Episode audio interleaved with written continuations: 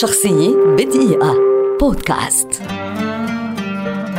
ميكيس ثيودوراكيس موسيقار يوناني كبير ولد عام 1925 ويعد أحد أعظم وأشهر مؤلفي الموسيقى على مستوى العالم في عصرنا هذا. ظهر شغف ثيودوراكيس بالموسيقى في سن مبكرة جدا.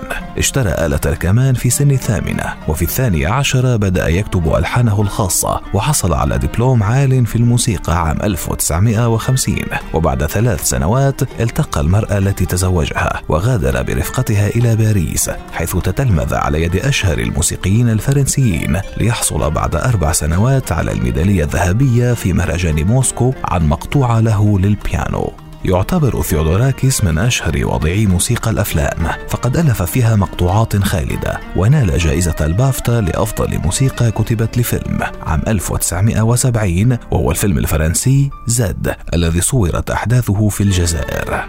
زد ليس الفيلم الرائع الوحيد الذي كتب ثيودوراكيس موسيقاه.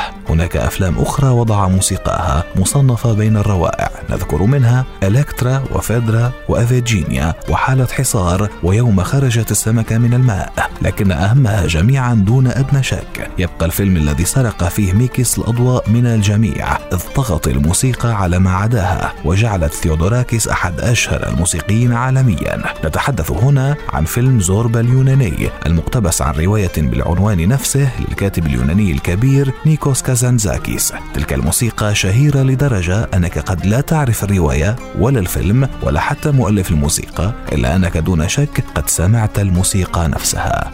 عاش ثيودوراكيس عاشقا للحرية رافضا للدوغمائية والدكتاتوريات والظلم بشتى أشكاله وعرف عنه وقوفه مع قضايا حقوق الإنسان. وبعد انتهاء الدكتاتورية في بلاده انتخب نائبا في البرلمان وكان دائم الدفاع عن القضايا العادلة محاربا كل مظاهر الفساد في بلاده والعالم حتى رحيله يوم الثاني من سبتمبر عام 2021 شخصية بدقيقة. بودكاست.